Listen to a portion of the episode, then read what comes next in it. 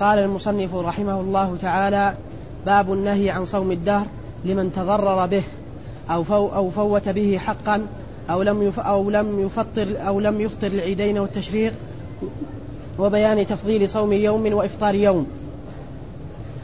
حديث عبد الله بن عمرو قال أخبر رسول الله صلى الله عليه وسلم أني أقول والله لأصومن النهار ولا أقومن الليل. أخبر النبي صلى الله عليه وسلم أخبر رسول الله صلى الله عليه وسلم أني أقول والله لأصومن النهار ولا أقومن الليل ما عشت. فقلت له قد قلته. بأبي أنت وأمي قال فإنك لا تستطيع ذلك فصم. قال فإنك لا تستطيع ذلك فصم وأفطر وقم ونم وصم من الشهر ثلاثة أيام. وقم ونم. وقم ونم وصم من الشهر ثلاثة أيام فإن الحسنة بعشر أمثالها وذلك مثل صيام الدهر. قلت إني أطيق أفضل من ذلك. قال فصم يوما وأفطر يومين. قلت إني أطيق أفضل من ذلك. قال فصم يوما وأفطر يوما. فذلك صيام داود عليه السلام وهو أفضل الصيام. فقلت إني أطيق أفضل من ذلك. فقال النبي صلى الله عليه وسلم لا أفضل من ذلك. بسم الله الرحمن الرحيم. الحمد لله رب العالمين وصلى الله وسلم وبارك على عبده ورسوله نبينا محمد وعلى آله وأصحابه أجمعين. أما بعد فهذه جملة من الأحاديث عن عبد الله بن عمرو بن العاص رضي الله تعالى عنهما كلها تتعلق بعزمه على صيام الدهر وأن النبي عليه الصلاة والسلام أبلغ ذلك.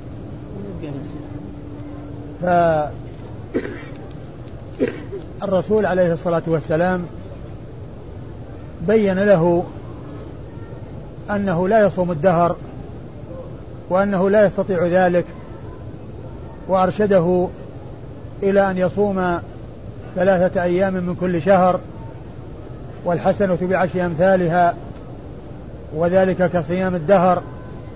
فقال إنه يطيق أكثر من ذلك. قال صم يوما وأفطر يومين. صم يوما وأفطر يومين يعني معناه عشرة أيام من الشهر. فقال إني يطيق أفضل من ذلك. قال صم أفضل الصيام صيام داود. كان يصوم يوما ويفطر يوما. قال إني يطيق أفضل من, أفضل من ذلك. قال لا أفضل من ذلك. حديث عبد الله بن عمرو أخرجه البخاري ومسلم على وجوه مختلفة. وكلها تتعلق بقصة واحدة وهي قصة كونه عزم وحلف على أن يصوم يصوم الأيام كلها وأن يقوم الليل فأخبر بذلك رسول الله صلى الله عليه وسلم. والذي أخبره هو أبوه عمرو بن العاص. الذي أخبر النبي عليه الصلاة والسلام بما عزم عليه عبد الله بن عمرو هو أبوه عمرو بن العاص رضي الله تعالى عنه. فإنه أخبر النبي عليه الصلاة والسلام بذلك. وجاء في بعض الأحاديث أنه زوجه بعض الروايات أنه زوجه ابن امرأة ذات نسب وهي من قريش. فجاء يسألها عنه فقالت نعم الرجل إلا أنه كان يصوم النهار ويقوم الليل ولا يطأ لنا فراشا.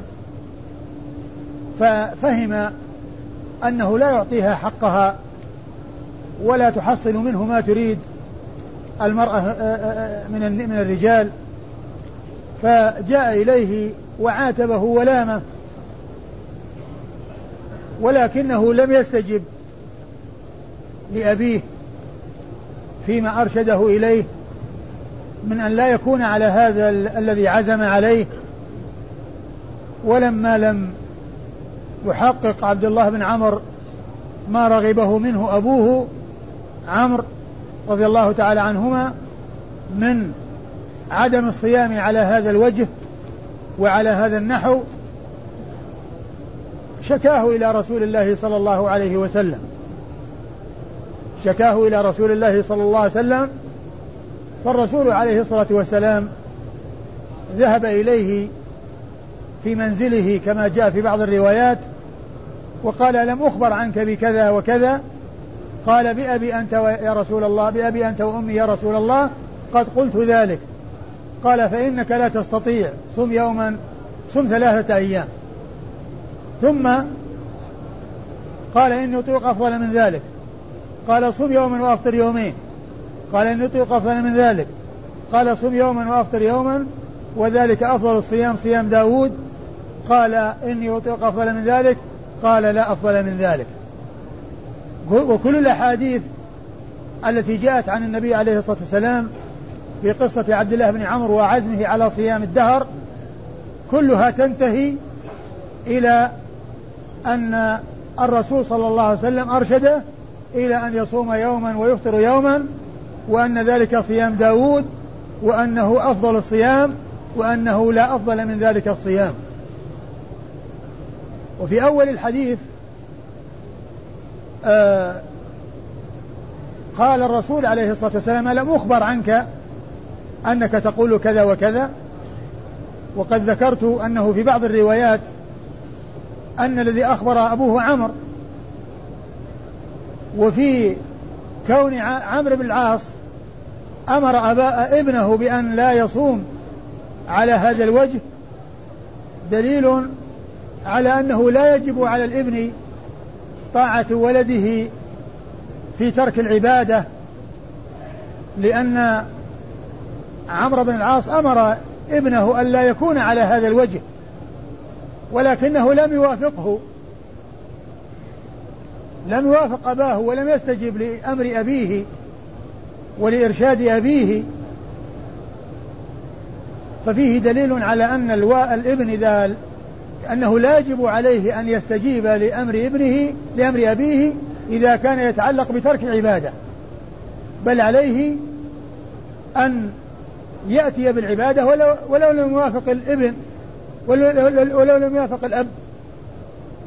لأن عمرا رضي الله عنه لم يجد بدا من أن يشكوه إلى الرسول صلى الله عليه وسلم. والرسول صلى الله عليه وسلم أقره وما قال له لماذا لم تستجب لما قال لك أبوك وإنما بين له الطريقة التي ينبغي له أن يسلكها وكان ذلك بالتدرج بدءا بالقليل إلى الحد الذي رأى النبي صلى الله عليه وسلم أنه ما يزيد, ما يزيد عليه. وهو صيام يوم وإفطار يوم الذي هو صيام داود الذي قال عنه إنه أفضل الصيام وقال إنه لا أفضل منه. ثم قوله عليه الصلاة والسلام وقد أخبره عمرو بن العاص بأن ابنه حصل منه كذا وكذا قال لم أخبر عنك بكذا فلم يعاتبه في الأول بناء على ما قيل عنه بل تحقق وأتى بلفظ يدل على التحقق وهو الاستفسار والاستفهام منه. ألم أخبر عنك أنك فعلت كذا وكذا؟ فهذا فيه دليل على الاحتياط في الأخبار والتأكد منها وأن الإنسان إذا بلغه عن شخص شيء فإنه لا يبدأ بعتابه بناء على ما سمعه عنه بل يستفسر عن صحة هذا الذي بلغه عنه. يستفسر عن صحة هذا الذي بلغه عنه. فإذا أقر به يعاتبه أو يبين له ما ينبغي أن يصير إليه. وإن لم يقر به وإنما اعترف أو قال بأنه ما حصل منه ذلك فيمكن أن يكون هناك وهم ويمكن أن يكون هناك خطأ في الخبر. لكن سؤال الرسول صلى الله عليه وسلم واستيضاحه واستبيانه من عبد الله بن عمرو حتى يتحقق وحتى يتأكد أن ما بلغه عنه صحيح وعند ذلك يبني عليه الحكم. وعند ذلك يبني عليه الحكم. وفي هذا دليل على أن من بلغه خبر عن شخص وأراد أن آه، يعاتبه أو أن يرشده إلى ما ينبغي أن يصير إليه أن عليه أن يستفسر منه. هل صحيح ما بلغني عنك أنك قلت كذا وكذا أو أنك فعلت كذا وكذا؟ فإن قال صحيح عند ذلك يبني على بينة. وإن قال غير صحيح فيكون فيه وهم أو يكون فيه خطأ أو ما إلى ذلك. ثم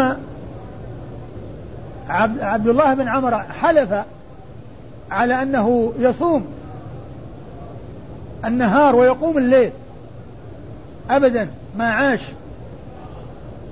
وفي هذا دليل على كون الإنسان يحلف على أن يتقرب إلى الله عز وجل بعبادة وأن يعبد الله عز وجل عبادة أنه لا بأس بذلك لأن هذا مما يجعل الإنسان ينشط للشيء الذي حلف عليه لأنه أقسم على ذلك.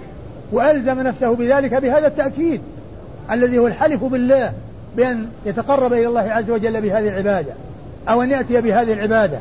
لأن وجود مثل ذلك فيه تنشيط للإنسان وتقوية لعزم الإنسان وكون الإنسان يأخذ نفسه بالبر, بالبر بيمينه التي هي على طاعة التي هي على طاعة. فالحلف في مثل ذلك سائغ وفائدته ما أشرت إليه. ثم قوله بأبي أنت وأمي يا رسول الله. هذا ليس حلف ليس حلفا وقسما بأبيه وأمه وإنما هو تفدية بأبيه وأمه وإنما هو تفدية بأبيه وأمه حيث قال بأبي أنت وأمي أي أنت مفدي بأبي وأمي. مفدي بأبي وأمي. فهذا يدل على جواز مثل ذلك وأن الصحابة وكذلك من بعد الصحابة كانوا يستعملون ذلك وهو مما آه، ألف واستعمل حتى وإن كان الأبوان غير موجودين.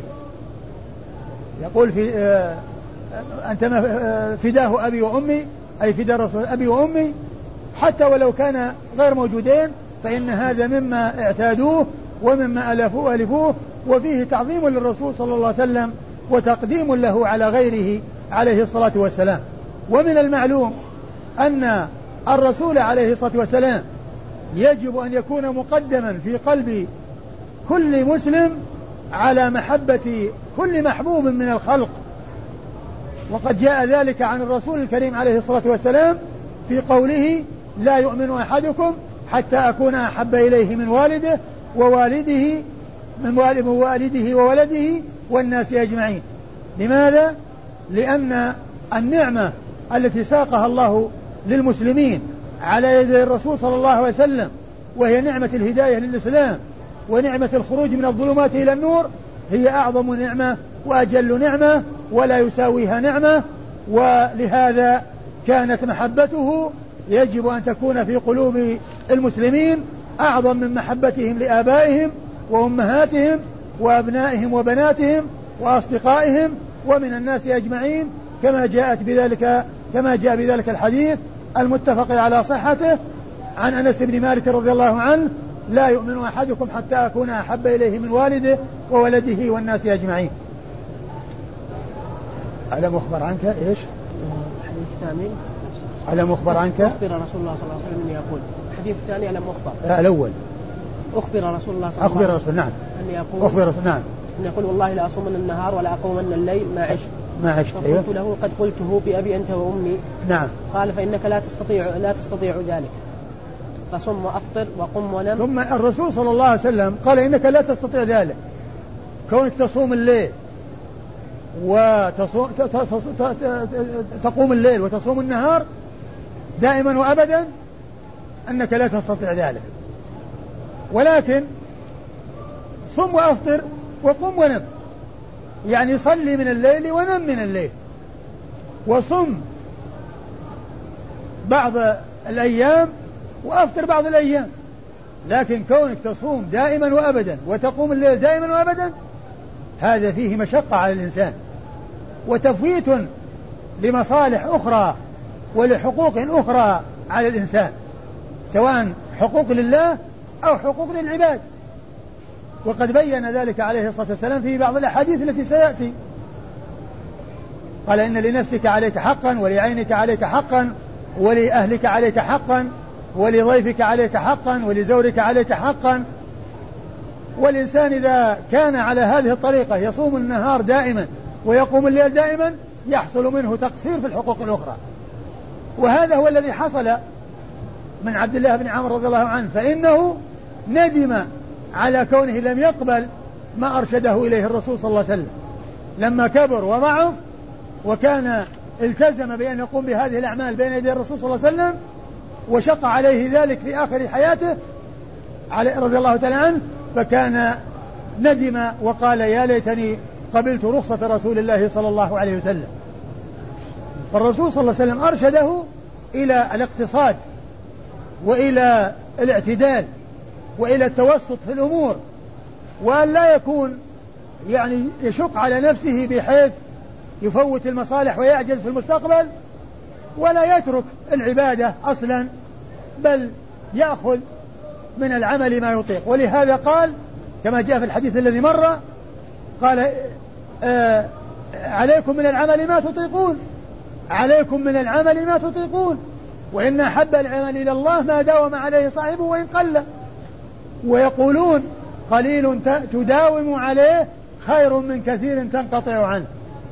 قليل تداوم عليه خير من كثير تنقطع عنه. أيوة. ثم قال صوم قال الحسنة فإن الحسنة بعشر أمثالها قال صوم ثلاثة أيام. وذلك مثل صيام الدهر قلت إني أطيق أفضل من ذلك. قال فصم يوما وأفطر يومين. لا أول. فإن الح... قال صم ثلاثة أيام؟ إيه وصم من الشهر ثلاثة أيام قال صم من الشهر ثلاثة أيام. بدل ما تصوم الدهر صم ثلاثة أيام واليوم عن عشرة أيام والحسنة بعشر أمثالها وذلك كصيام الدهر. يعني تحصل أجر يعني كأنك صمت الدهر لأن اليوم بعشرة أيام. اليوم بعشرة أيام. ولا يعني هذا أنه له أجر من صام أكثر فإن من صام يوما وأفطر يوما أفضل وله أعظم أجرا ممن صام ثلاثة أيام. لكن يحصل أجر الدهر اللي هو مدة الدهر لأن اليوم بعشرة أيام. لكن الإنسان إذا صام الأيام الكثيرة فاليوم بعشرة أيام والحسنة بعشر أمثالها فيزيد العمل ويزيد الأجر. لكن الإنسان يكون كأنه صام الدهر كأنه صام 360 يوم. أو 354 يوم على على أساس أنه ينقص ستة أشهر ويتم ستة أشهر. والحسنة بعشر أمثالها. فأرشده إلى أن يصوم ثلاثة أيام وذلك كصيام الدهر. ثم أيضا جاء في حديث آخر أن الإنسان إذا صام ست رمضان ويتبعه ستة من شوال كان كصيام الدهر. فيكون الإنسان صام الدهر مرتين وحصل أجر الدهر مرتين.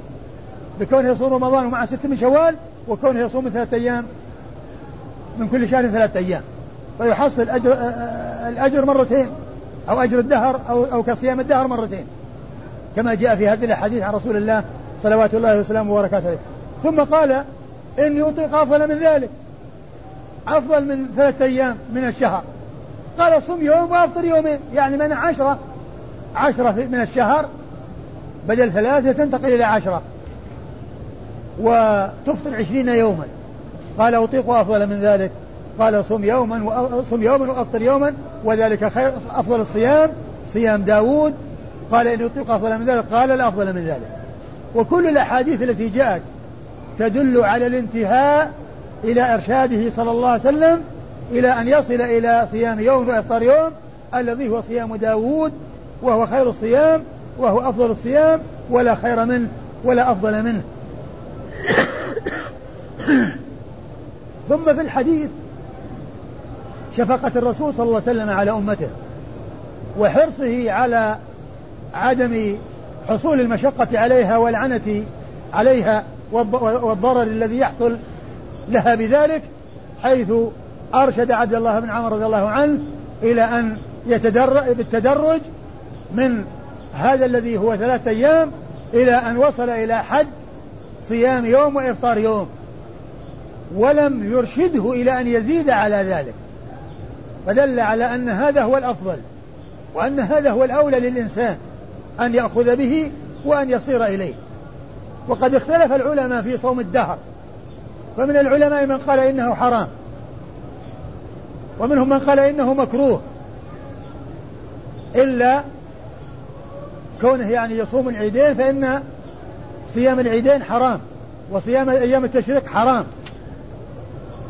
آه ومنهم من قال إنه جائز. ومنهم من قال إنه إن آه الذي أن الأولى والأفضل والذي ينبغي أن يصار إليه هو ما أرشد إليه الرسول صلى الله عليه وسلم وهو الاقتصار على صيام يوم وإفطار يوم وعدم الزيادة على ذلك. أي نعم. بعده. وعن عبد الله بن عمرو بن العاص رضي الله عنهما أنه قال قال لي رسول الله صلى الله عليه وسلم يا عبد الله ألم أخبر أنك تصوم النهار وتقوم الليل؟ فقلت بلى يا رسول الله. قال فلا تفعل صم وأفطر وقم ونم فإن لجسدك عليك حقا وإن لعينك عليك حقا وإن لزوجك عليك حقا وإن لزورك عليك حقا. وإن بحسبك أن تصوم كل شهر ثلاثة أيام فإن لك بكل حسنة عشر أمثالها فإن ذلك صيام الدهر فإن ذلك صيام الدهر كله فشددت فشد فشدد علي قلت فشددت فشدد علي. أيوة. قلت يا رسول الله إني أجد قوة قال فصم صيام نبي الله داود عليه السلام ولا تزد عليه. قلت وما كان صيام نبي الله داود عليه السلام قال نصف الدهر. فكان عبد الله يقول بعدما كبر يا ليتني قبلت رخصة النبي صلى الله عليه وسلم. ثم ورد حديث عبد الله بن عمرو بن العاص رضي الله عنهما من طريق أخرى وهو مثل التي تقدم يعني في الجملة إلا أن فيه بيان الحكمة في كون الإنسان يعني ما يصوم الدهر وذلك حيث قال فإن فإن لنفسك فإن, فإن, فإن لجسدك عليك حقا. فإن لجسدك عليك حقا. لأن الإنسان إذا إذا صلى الليل وصام النهار فإن جسده يضعف. ولا يقوى على العبادات الأخرى ولا يقوى على الحدود الحقوق الأخرى التي عليه للناس. والإنسان عليه أن يؤدي الحقوق إلى أهلها. ما يكون يجتهد في جانب ويخل في أمور واجبة عليه في جوانب أخرى وإنما يصوم صياما ويقوم قياما لا يحصل معه إخلال بالحقوق التي عليه لنفسه ولغيره. قال لجسدك عليه حقا لأن الإنسان إذا صام دائما وقام الليل دائما معناه أنه يضعف جسده ويهزل ويصيبه الهزال والضعف الشديد. فلا يقوى على العبادات الأخرى ولا يقوى أيضا على الحقوق الأخرى التي عليه. ولكن الرسول صلى الله عليه وسلم أرشد إلى الاعتدال والتوسط في الأمور وأنه لا يتجاوز أن يصوم يوما ويفطر يوما ويقوم وينام. يقوم بعض الليل وينام بعض الليل. يقوم بعض الليل وينام بعض الليل. فإن لنفس جسدك عليك حقا. وإن لعينك عليك حقا. وإن لعينك عليك حقا. الإنسان إذا صار دائما يعني آه، مستيقظ الليل دائما مستيقظ و فإن يعني عينه يحصل لها ضرر. إذا ما حصل له النوم الكافي يتضرر عينه ويصيبها الضرر وقد يؤدي ذلك إلى قلة الإبصار. وإن لعينك عليك حقا. و وإن لزوجك عليك حقا. وإن لزوجك عليك حقا. وهذا هو الذي كانت زوجته آه لمحت وكنت في كلامها مع عمرو بن العاص أنه كان يقوم الليل وينام كان يقوم الليل وينام ويصوم النهار ولا يطأ لنا فراشا. يعني ما يعطيها حقها اللي تستحقه. وإن وإن لزورك عليك حقا وإن لزورك عليك حقا يعني يزور من يزورك. من يزورك. ومن ومن يستضيفك ويكون يكون ضيفا عندك. له عليك حق. والإنسان إذا كان شأنه هكذا دائما يصلي ودائما يصوم يعني معنى ما يتمكن.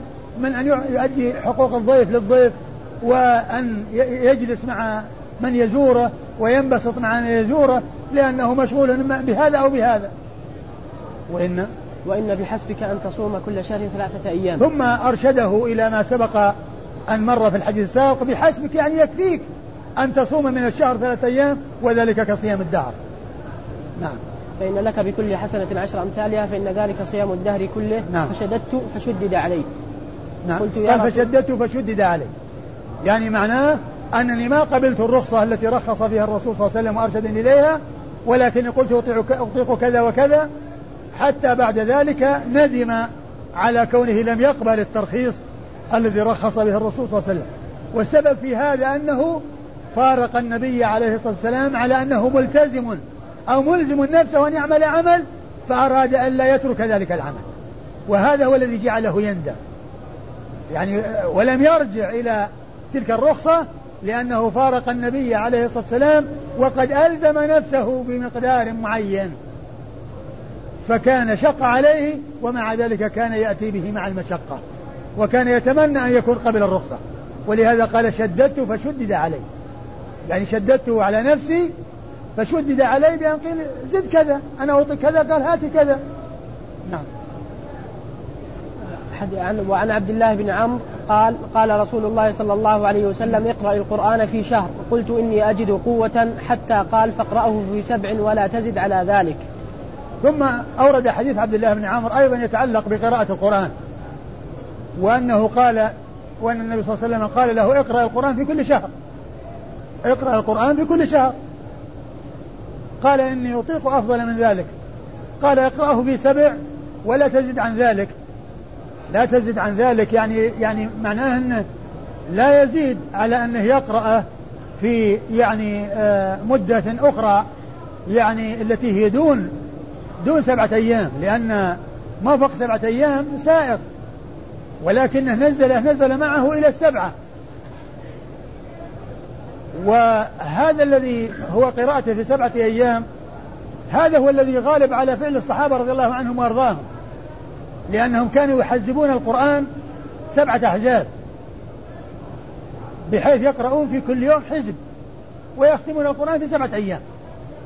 قد جاء عن أوس بن أوس قال سألت أصحاب محمد صلى الله عليه وسلم كيف تحزبون القرآن؟ قالوا ثلاثا وخمسا وسبعا وتسعا وإحدى عشرة وثلاث عشرة وحزب المفصل واحد وأوله قاف. يعني معناه أنهم يقسمون القرآن إلى سبعة أقسام سبعة أحزاب.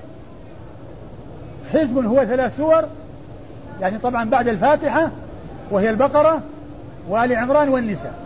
هذا حزب. هذه ثلاث سور. ثم بعده حزب آخر خمس سور.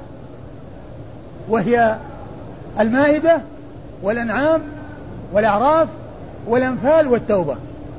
ثم يأتي بعده حزب سبع سور. يأتي بعده حزب سبع سور. هي يونس وهود ويوسف والرعد وإبراهيم والحجر والنحل. ثم يأتي حزب هو تسع سور. الإسراء والكهف ومريم وطه والأنبياء والحج والمؤمنون والنور والنور والفرقان.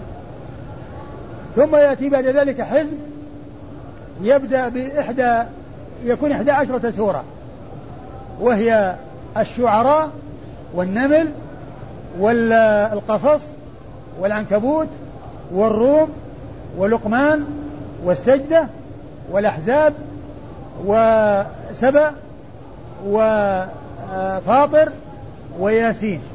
هذه 11 ثم يأتي حزب يتكون من 13 سورة وهي الصفات وصاد.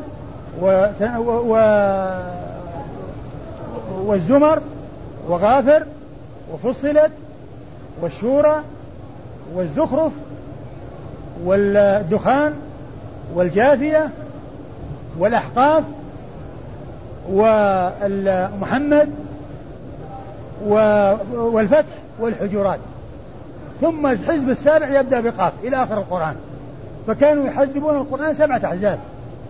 وكان يعني يحزبون هذا التحزيب على حتى يختموه في سبعة أيام. وهذا هو الغالب على على فعل الصحابة. وجاء أيضا في بعض الأحاديث ما يدل على أنه يمكن أن يكون في ثلاثة أيام ولكن لا يكون أقل من ثلاثة أيام.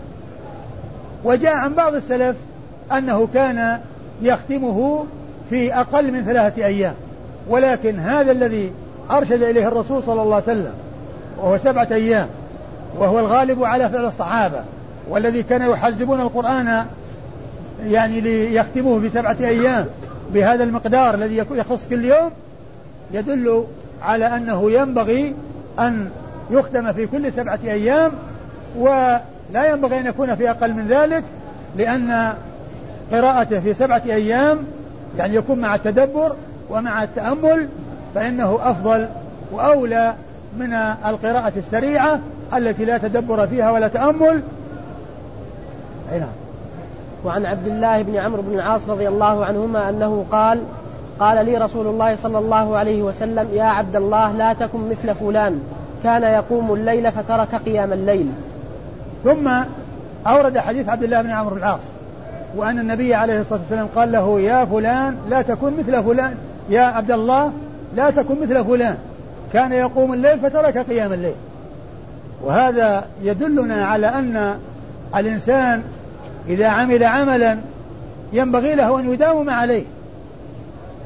ولا ينبغي له أن يجعل عملا كثيرا يشق عليه بل يجعل عملا يطيقه ويداوم عليه. لأن النبي عليه الصلاة والسلام قال عليكم من الأعمال ما تطيقون.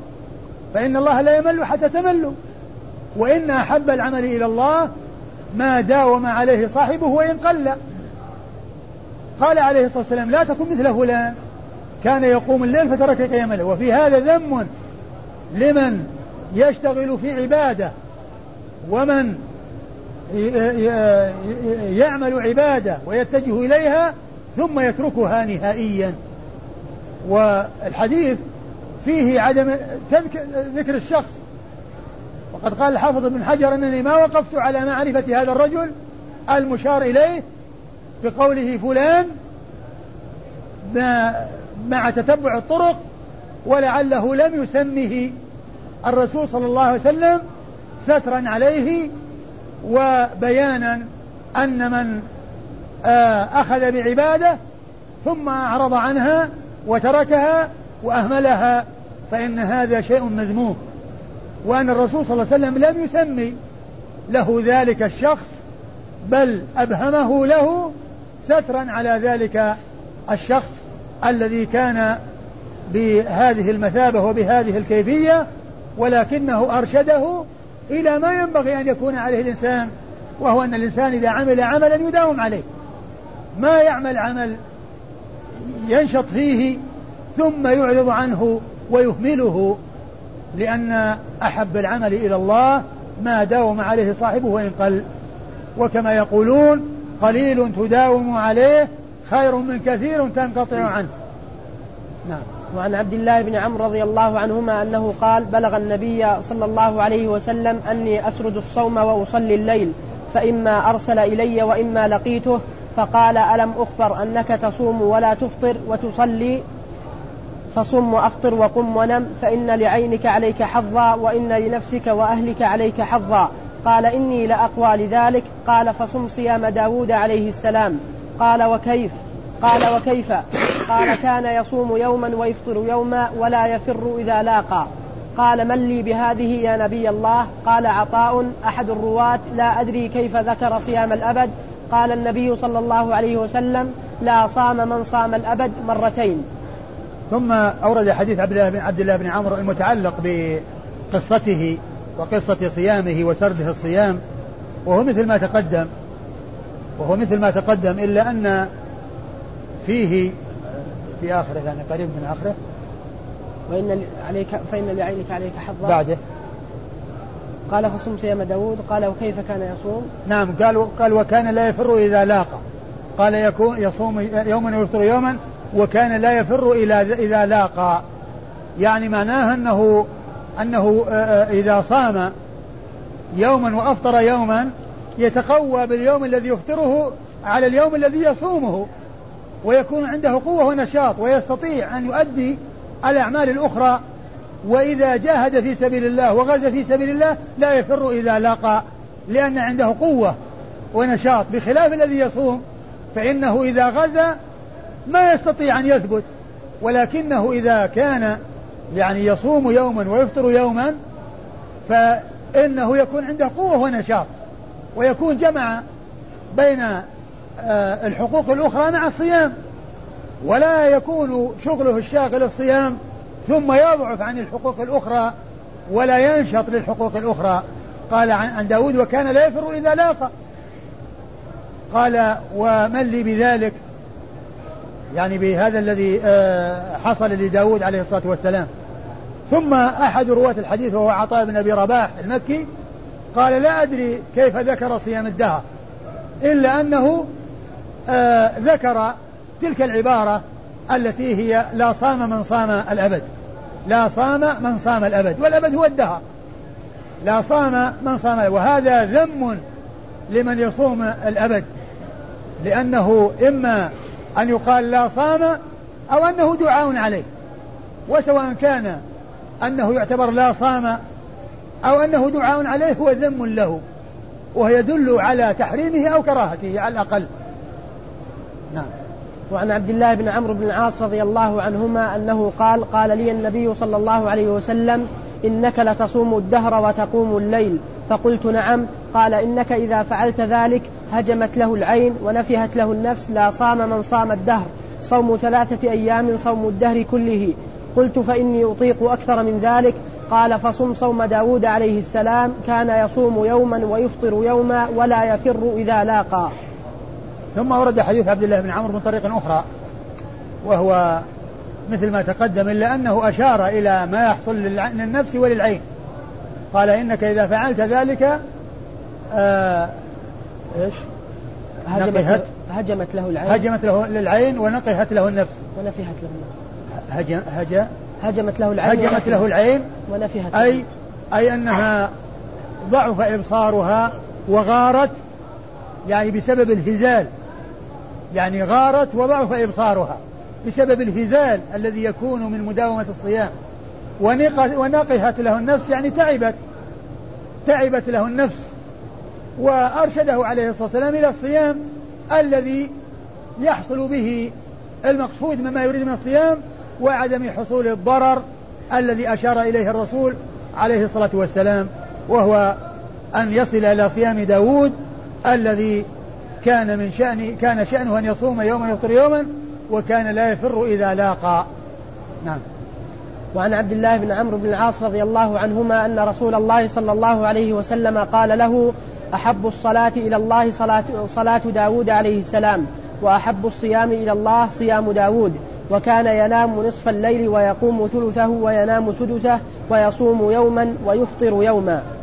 ثم ورد حديث عبد الله بن عمرو بن العاص الذي فيه بيان صيام داود عليه الصلاة والسلام وأن النبي عليه الصلاة والسلام أرشد عبد الله بن عمرو إلى صلاة داود وإلى صيام داود. وقال أحب الصلاة إلى الله صلاة داود يعني صلاة الليل. كان ينام نصف الليل. ثم يقوم ثلثه وينام سدسه. يعني معناه النصف الأول يكون نايم. ثم يقوم آه، آه، الثلث الذي آه، يلي النصف. ثم ثم الباقي الذي هو السدس المكمل لذلك الثلث ينامه. فيكون نائما في أول الليل وفي آخر الليل حتى ينشط لصلاة الفجر ويستعد لصلاة الفجر. ولهذا جاء في صلاة في في في, في, في الأذان الأول أنه قال ليرجع قائمكم ليوقظ نائمكم ويرجع قائمكم. الإنسان الذي كان يشتغل في العبادة ويصلي يستريح. وينام حتى يستعد لصلاة الفجر وحتى يعني يحصل له راحة قبل صلاة الفجر أو يتسحر إذا كان يريد أن يصوم.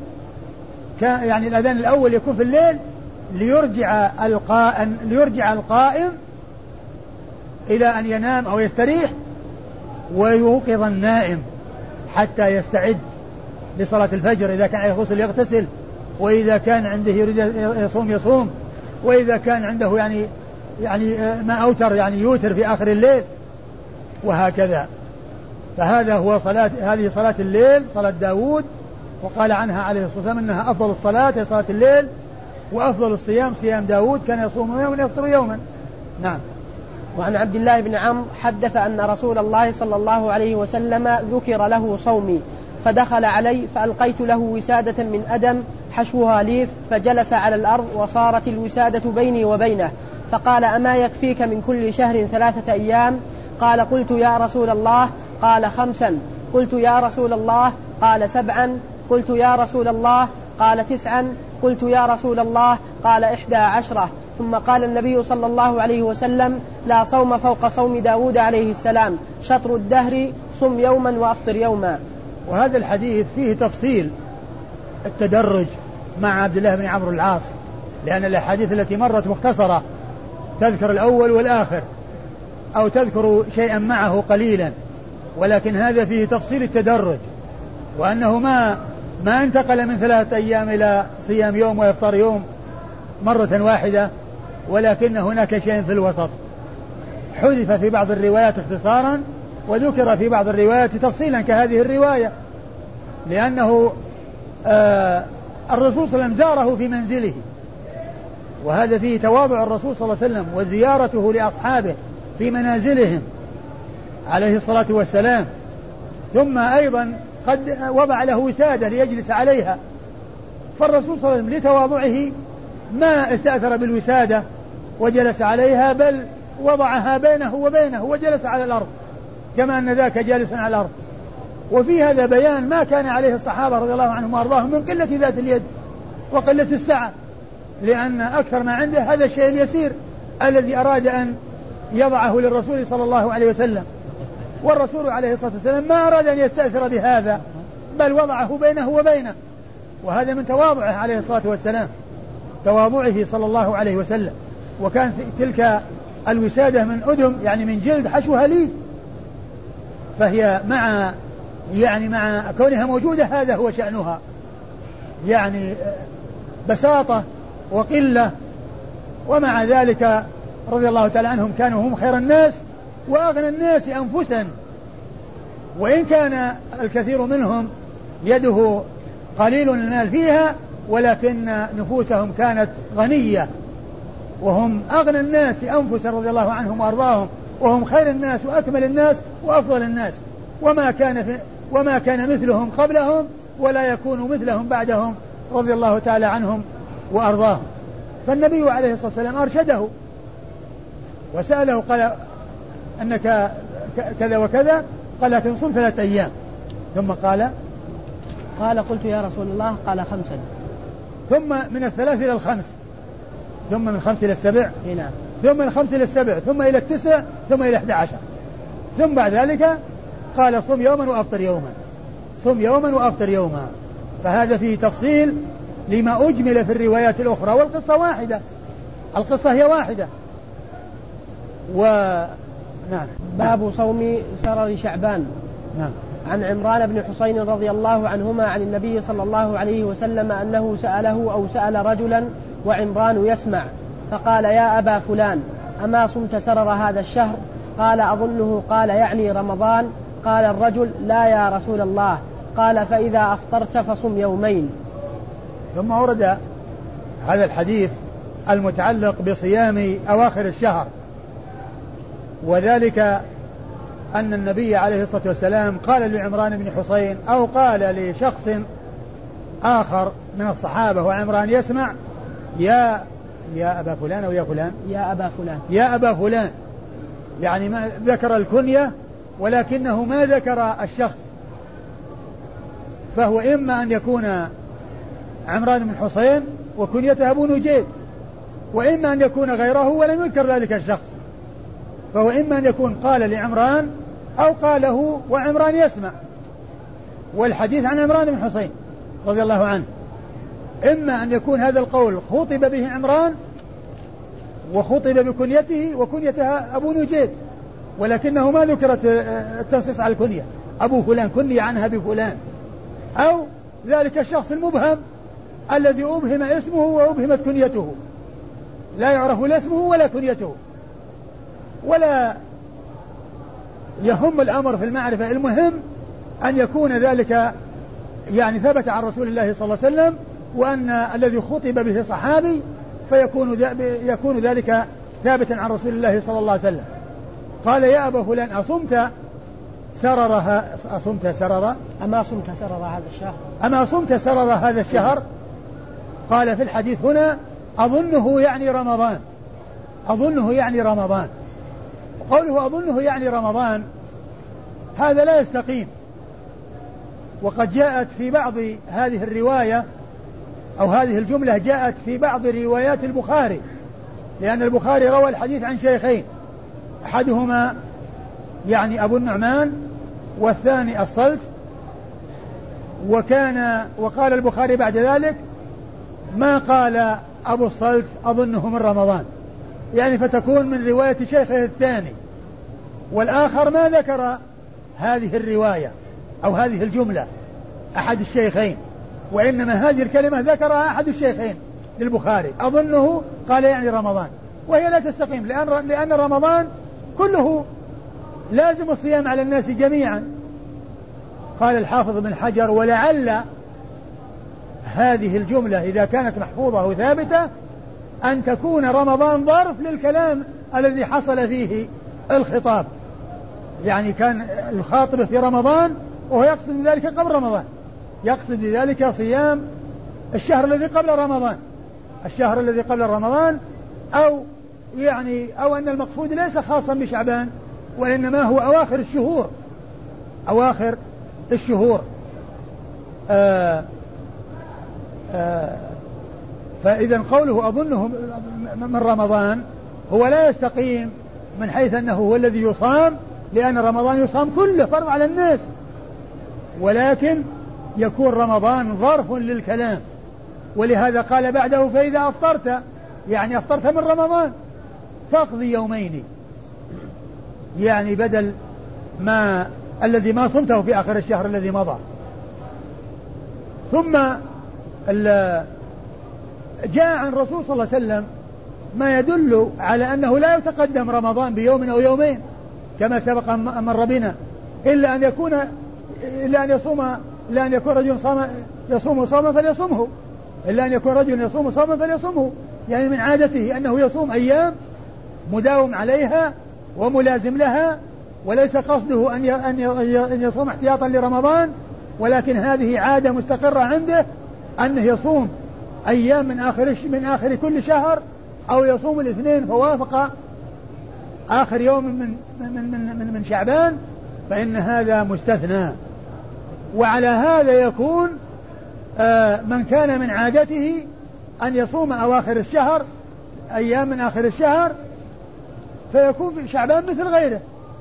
فيكون داخلا تحت قوله إلا رجل كان يصوم صوما فليصوم. يعني من عادته أن يصوم.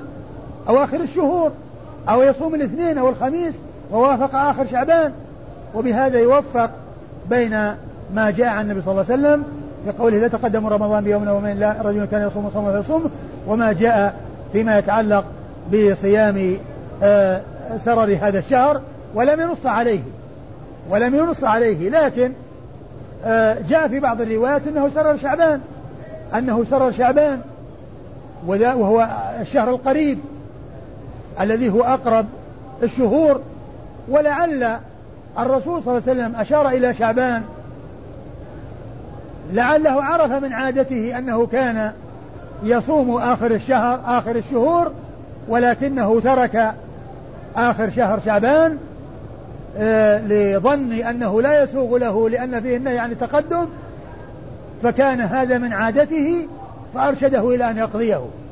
وفيه دليل على قضاء التطوع وأن الإنسان إذا كان يتطوع وفاته شيء أنه يستحب له قضاءه.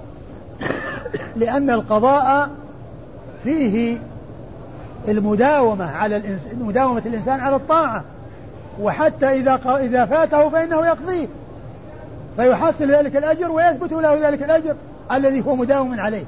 الطاعة التي هو مداوم عليها ومحافظ عليها إذا فاتته فإنه يقضيها. ولهذا الإنسان سنن الرواتب إذا فاتت الإنسان فإنه يستحب له أن يقضيها لأن قضاءها فيه الإبقاء عليها والمحافظة عليها وأن الإنسان لا يغفلها ولا يتركها دائما وأبدا. والله تعالى أعلم وصلى الله وسلم وبارك على عبده ورسوله نبينا محمد وعلى آله وأصحابه أجمعين.